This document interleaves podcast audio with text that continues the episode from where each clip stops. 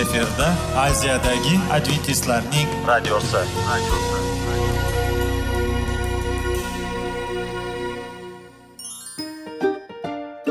Assalomu alaykum aziz radio tinglovchilar. Sog'liq daqiqasi rubrikasiga xush kelibsiz. Zero tananing sog'lom bo'lishi va uning kasalliklardan saqlash har bir insonning burchi hisoblanadi. Inson uchun bebaho boylik bu sog'liq salomatlikdir. Uni asrash esa har birimizga omonat qilib berilgan. Shuning uchun ham inson o'z sog'lig'ini ehtiyot qilishi voajib amallardan hisoblanadi. Dono xalqimiz sog'liq tuman boylik deb bejiz aytmagan. Aql idroq sohibi bo'lgan inson o'z hayotini qadrlashi lozim bo'ladi. Hozirgi kunda qanchalik dori darmonlar ko'paymasin tibbiy muassa sifati shifokorlar vasiyasi tibbiy texnika yaxshilanmasin. Agar insonning o'z salomatligi haqida qayg'urmasa kutilgan natijaga erishib bo'lmaydi va biz sizlarga bizning dasturimizga xush kelibsiz deymiz.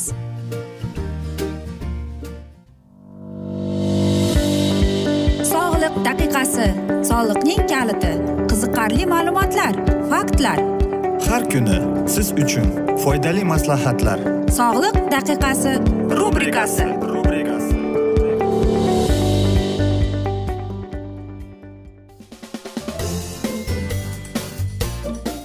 assalomu alaykum aziz radio tinglovchilar. Dasturimizga xush kelibsiz va biz sizlar bilan sog'liq formulasi degan dasturda xushvaqt bo'ling deb aytamiz. Va bugungi bizning dasturimizning mavzusi bir butun yaxlitlik deb nomlanadi. Bundan tashqari biz ataylab yaratilganmiz.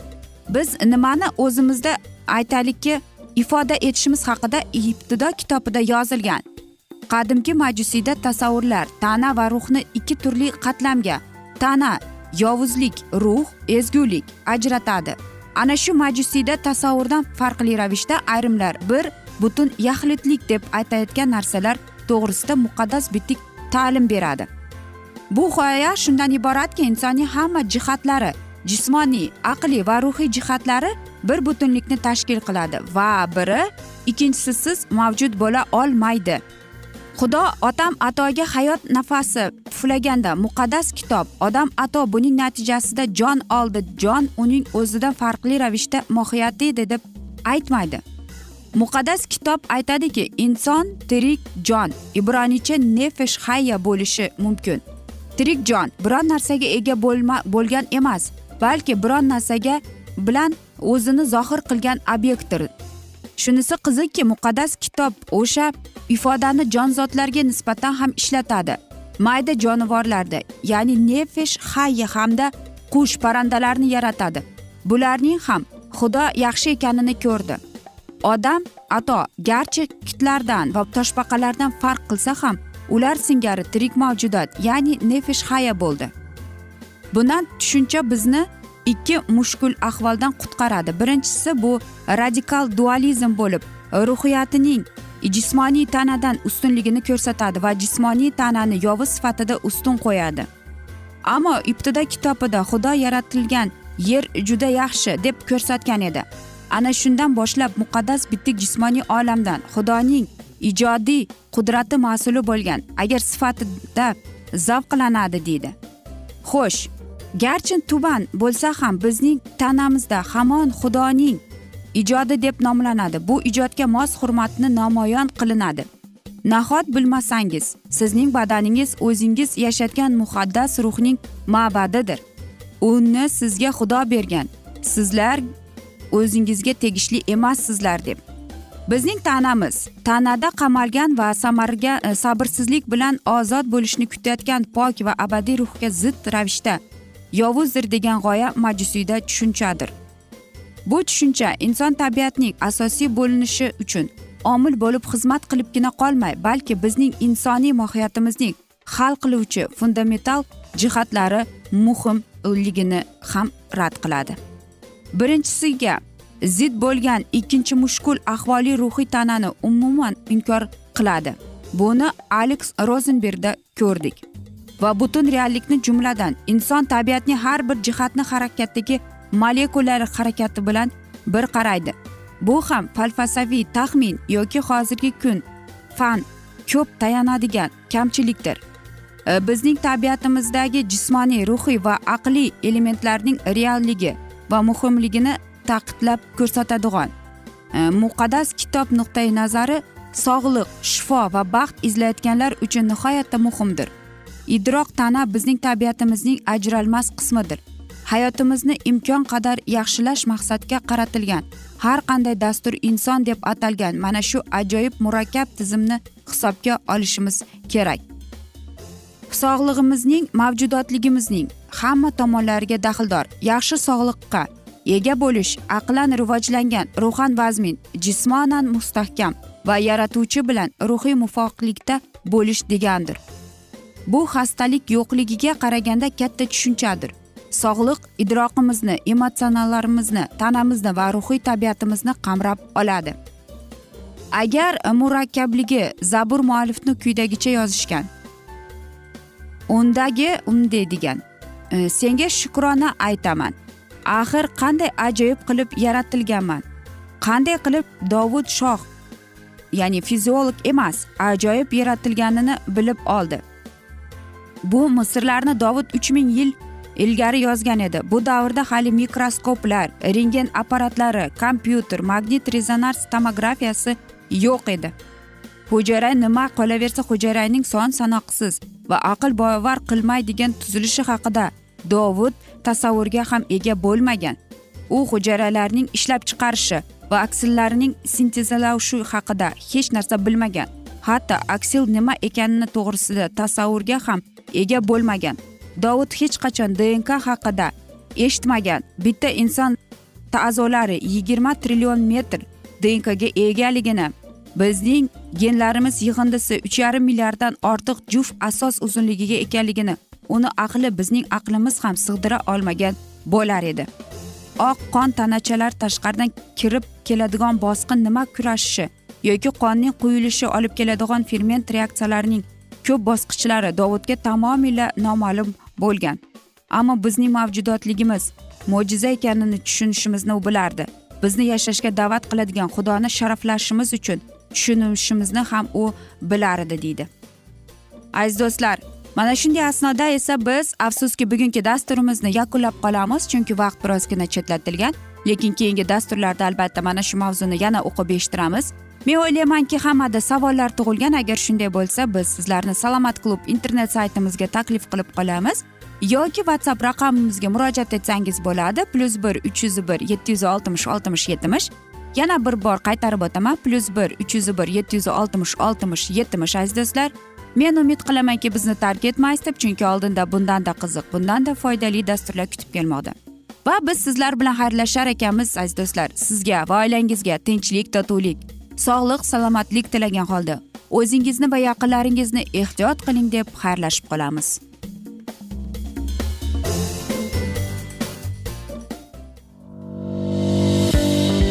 Sog'liq daqiqasi soliqning kaliti qiziqarli ma'lumotlar faktlar.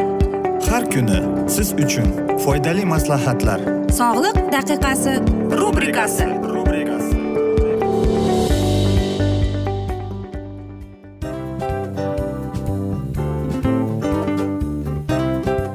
mana ha hayotda hamma narsaning yaxshi narsalar tugaydi va yakunlaydi degandek bizning dasturimizga ham yakun keldi.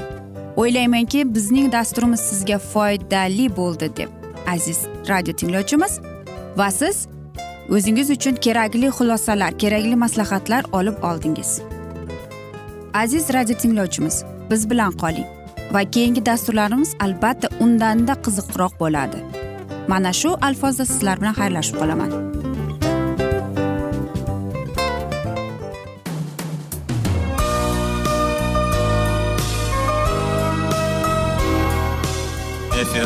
Aziyadagi adventistlarning radiosi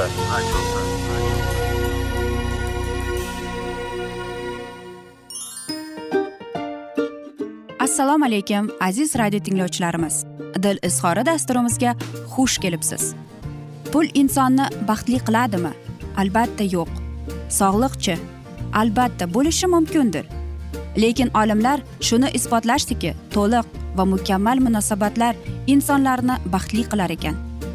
Albatta biz hayot davomida biz yaqin insonlar bilan odamlar bilan aloqada bo'lamiz va ular bilan munosabatlarimiz qanday kechadi qanday tuziladi? Yigit va qiz er va xotin ota ona va farzandlar va yaqin insonlar bilan balkim hozirgi vaqtda kimnidir hayoti yoki munosabatlari buzilyapti va bizning dasturlarimiz ularga yordam bo'ladi deb.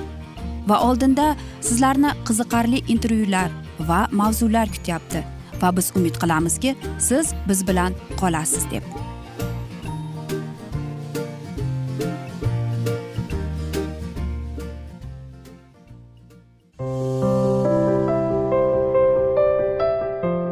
Kuni har xil kasbdagi odamlar bilan sirlashish va bo'lishish sevgi rashq munosabat bularni hammasi dil izhori rubrikasida.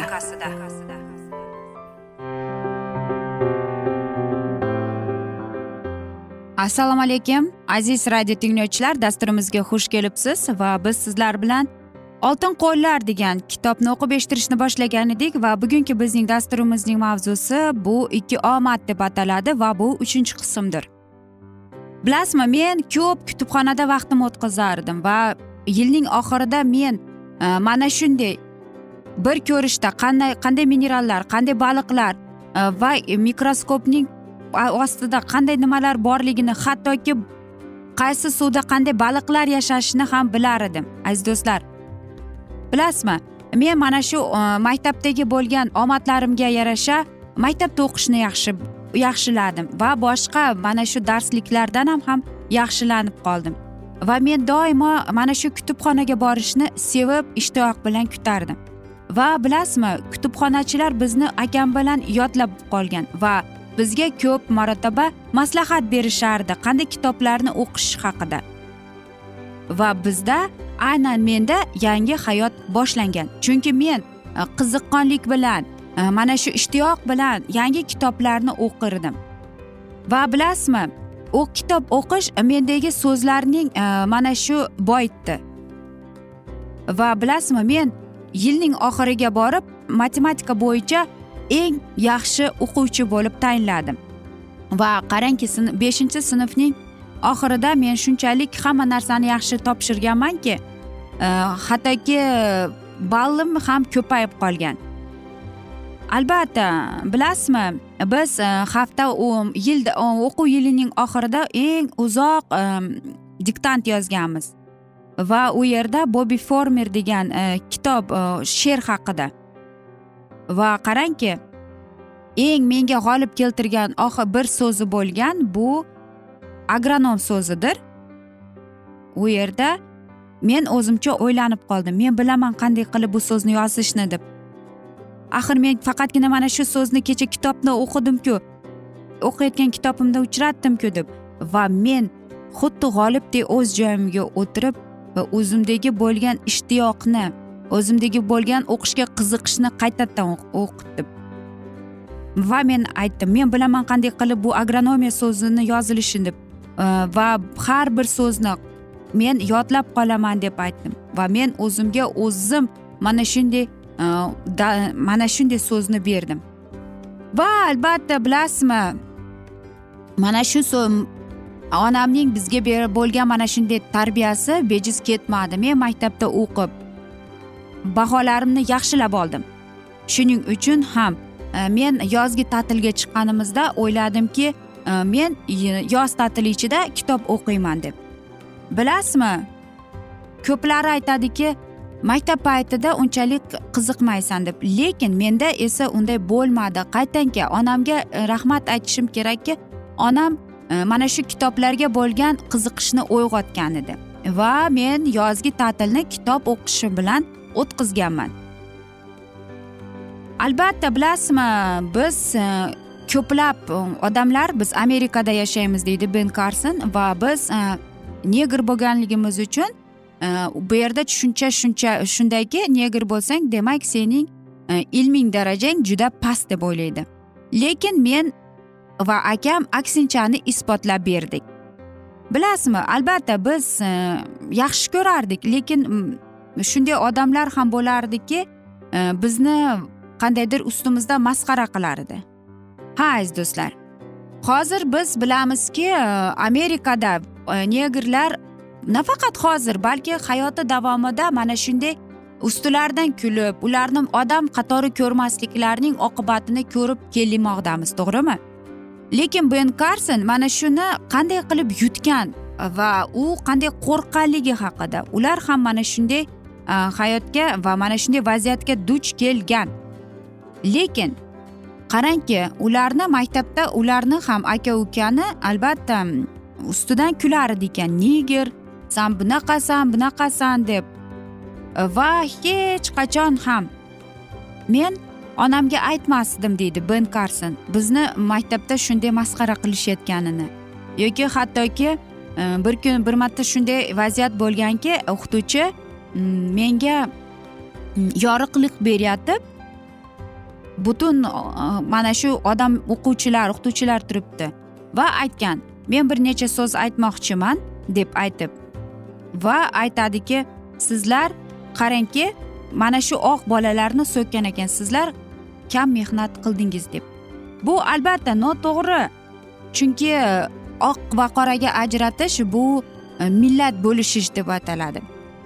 Va shu mahal deyapti ben karson men o'qituvchimni yomon ko'rdim va albatta bu vaziyat haqida bu hikoya haqida men onamga aytmaganman. Chunki onam mm, xavotir oladi his qiladi shunday narsani eshitib deb onamni o'ylab men shu hikoyani aytmaganman deydi. Albatta bilasizmi hozir men katta bo'lganman va o'ylaymanki onam bizni qandaydir mana shu yomon narsalardan himoya qilmoqchi bo'lgan va otamning bo'lgan mana shunday xatosi haqida undagi bo'lgan muammolari haqida bizga aytmagan ham yomonlamagan ham shuning uchun ham biz ham onamizni himoya qilib shunday mana ustimizdan kulayotgan masxara qilayotganlar haqida aytmaganmiz deydi ben karson bu ajoyib bu ham bir onasiga bo'lgan sevgi va g'amxo'rlik ko'rsatishdir aziz do'stlar.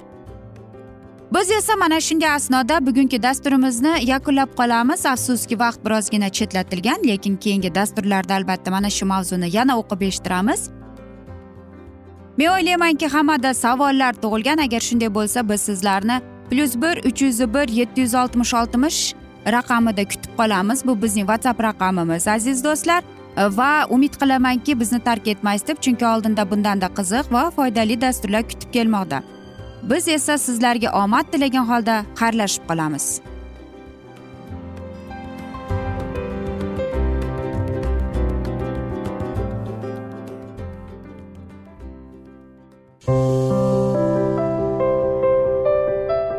Har kuni har xil kasbdagi odamlar bilan sirlashish va bo'lishish sevgi rashq munosabat bularni hammasi dil izhori rubrikasida.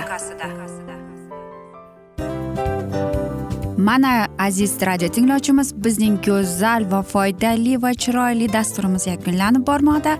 Sizlarga birozgina maslahat berib o'tmoqchi edik.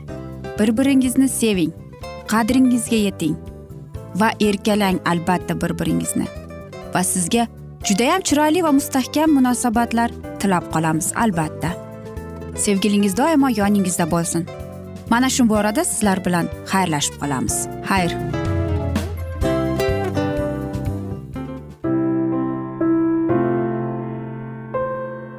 Hayotning noni. Qiziqtirgan savollar va javoblar.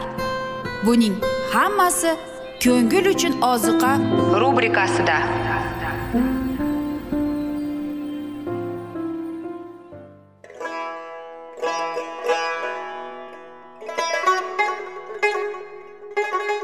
Assalomu alaykum aziz radio tinglovchilarimiz. Ko'ngil uchun oziqa rubrikasida xush kelibsiz deymiz. Siz haqiqatni izlayapsizmi? Olamnimi? Umidnimi? Siz kimga murojaat qilmoqchisiz? Odamlar ko'pincha siyosat kuchiga tayanadilar. Dunyo iqtisodiyoti holati tobora chuqurlashib bormoqda. Tabiiy ofatlar va texnogen halokatlar minglab insonlarning hayotini olib ketib juda katta zarar yetkazmoqda. Sizga abadiy hayot inomini hadya qiluvchi va hayotingizni tubdan o'zgartiruvchi haqiqatni izlab toping. Xudo haqidagi haqiqat uning kalomida mujassamlashgan. Kimki bu haqiqatni butun qalbi bilan izlasa albatta unga yetishadi. Bu sevgi xudoning tarixidir. Hayotingizda yoki sizning yon atrofingizdagi olamda nimalar yuz berishidan qat'iy nazar? Siz ertagi kunga buyuk umid va ishonch hosil qilishingiz mumkin. Hozirda xudo sizga taklif qilayotgan umid ishonchga o'z qalbingizni oching va sizni qiziqtirayotgan mavzularni savollaringizga javoblaringizni topib olasiz deb umid qilamiz. Biz bilan qoling.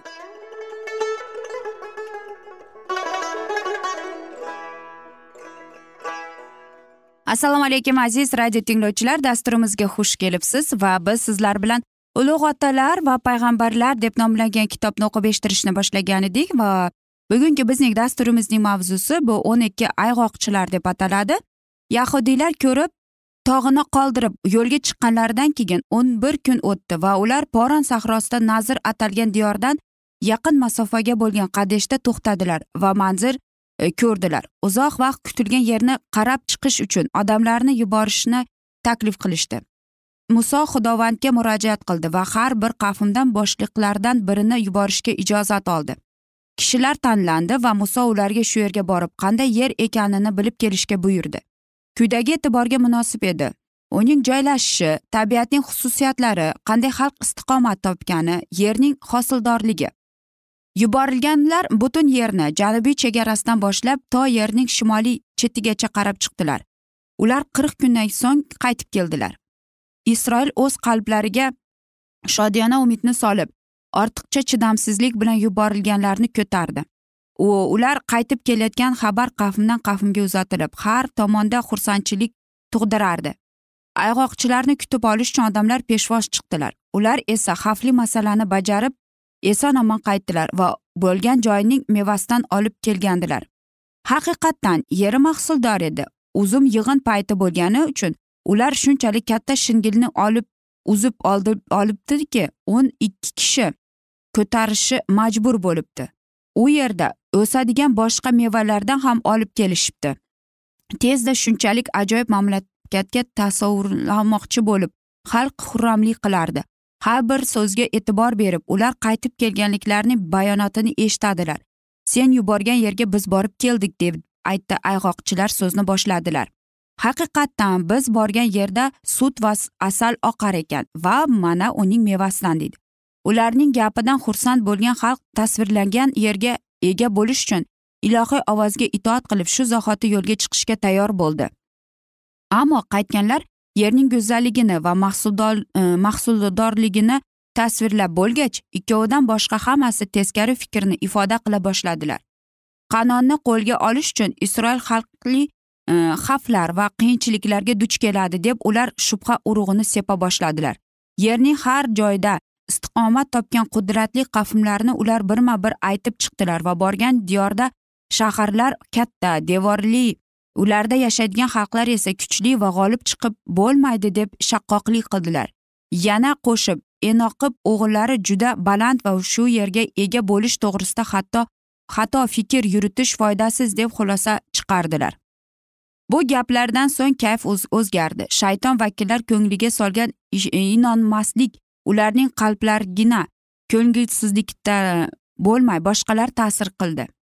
Xalq umidini va jasurligining o'rnini kuchsizlik mayuslik bosdi. Butun yig'ilishni e'tiqodsizlikning zulmatli soyasi qopladi va tanlagan xalqning farovonligi uchun shunchalik ko'p namoyon bo'lgan ilohiy kuch qudrat unutildi. Ko'rib eshitib va ko'ngillaridagiday o'tkazganlarni chuqur fikrlash uchun odamlar birpas ham to'xtab turmadilar. Nahotki ularni shu kunga qadar olib kelgan nazr atalgan yerga olib kirmasa? Xudovand dengiz ichida naqadar ajoyib yo'l barpo etib ularni zulmkorlardan ozod qildi va ularning ketidan quvib kelgan fir'avn lashkarlarini qirib tashladi. Bularni ular eslamadilar. Xudodan uzoqlashadilar va hamma narsa ularning shaxsiy shayxtu g'ayratiga qaram bo'lganday harakat qildilar. O'z e'tiqodsizligida ular ilohiy kuchni kamsitdilar va ushbu kungacha ularni bexadar yetaklab borgan umidvor rahbarchidan shubhalandilar. Ular yana o'tgan zamonda bo'lganiday muso va xoringa qarshi shikoyat qildilar. Mana bizning umidimiz o'chdi va shu sahroga ega bo'lish uchun biz misrdan chiqib qanchalik og'ir yo'lni o'tgan ekanmiz deyishdi ular. Xalqni aldab isroilga naqadar ko'p kulfatlar soldilar deb ular o'z dohiylarini aybladilar. O'z ko'ngilsizligida xalq tamoman mayuslikka yetdi. Ko'tarilgan azobli dod faryod boshqalarning ayxonxannosli ovozlari bilan aralashmadi. Qolib sharoitini baholab jasurlik bilan xudoni himoya qila boshladilar. Kuchi boricha u har qanday isbotlar keltirib e'tiqodlarini sust birodarlarning salbiy ta'sirini to'xtatishga tirishdi. Nazr atalgan yer to'g'risida bayon etgan uning dalillik beradigan va umid tug'diradigan so'zlariga quloq solib haloyiq har bir qaysi vaqtgacha tindi. Ko'rgan mamlakatining shaharlari bilan devorlar ila aylantirib olingan xalqi esa haqiqatdan kuchli va qudratli. Ushbu dalillarni u inkor qilolmadi ammo xudovand ushbu diyorni va'da qilganku. So'zini davom etib qolib turib boraylik va uni qo'lga kiritaylik chunki biz shunga yetisha olamiz deb so'zda turdi. Ammo uni kuzatib borgan o'nta o'rtog'i gapirib o'zib oldilarida turgan qiyinchiliklarni avval so'zlariga besh battar qo'yib zulmatli ranglarda tasvirlay boshlagandilar. Ushbu xalqqa qarshi borolmaymiz deb e'lon etdilar ular. Zeroki ular bizdan kuchliroq. Biz ko'rgan xalq juda baland bo'yli insonlar. Shu tomonda biz enoqib o'g'illarini ko'rdik. Ular buyuk gavdali juda baland odamlar. Ularning oldida biz o'zimiz chigirtkaday ko'rinardik. Xuddi shunday ularning ham ko'z o'ngida edik deydi. Aziz do'stlar mana shunday asnoda biz bugungi dasturimizni yakunlab qolamiz. Afsuski vaqt birozgina chetlatilgan lekin keyingi dasturlarda albatta mana shu mavzuni yana o'qib eshittiramiz. Yoki biz sizlar bilan whatsapp orqali davom ettirishimiz mumkin. Plyus bir uch yuz bir yetti yuz oltmish oltmish yetmish bizning whatsapp raqamimiz. Umid qilamanki bizni tark etmaysiz deb chunki oldinda bundanda qiziq va foydali dasturlar sizni kutib kelmoqda deymiz. Aziz do'stlar biz sizlar bilan xayrlashar ekanmiz. Sizlarga va oilangizga tinchlik totuvlik tilab sog'lik salomatlik tilagan holda o'zingizni va yaqinlaringizni ehtiyot qiling deb xayrlashib qolamiz.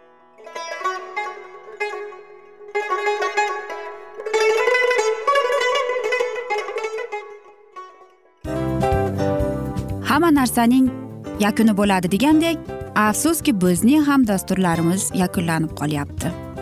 Va biz o'ylaymizki bizning dasturimizdan o'zingiz uchun kerakli va foydali maslahatlar olib oldingiz. Sog'liq borasida sizga foydali maslahat berganmiz deb umid qilaman albatta. Va sizlarga mana shu borada sog'liq tilab qolaman.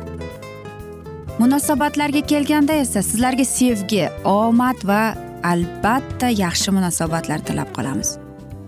Uchinchisiga kelganda esa bu juda chuqur va e'tiborli nazarni qumsaydi. Va sizlarga mana shu yaxshilik kayfiyatda sizni kayfiyatingizni ko'targan holda sizlar bilan xayrlashib qolaman afsuski. Ammo lekin keyingi dasturlarimiz undanda qiziq bo'ladi. Va siz biz bilan bo'ling. Bizni tanlaganingiz uchun sizlarga rahmat. Omad sizlarga. Xayr.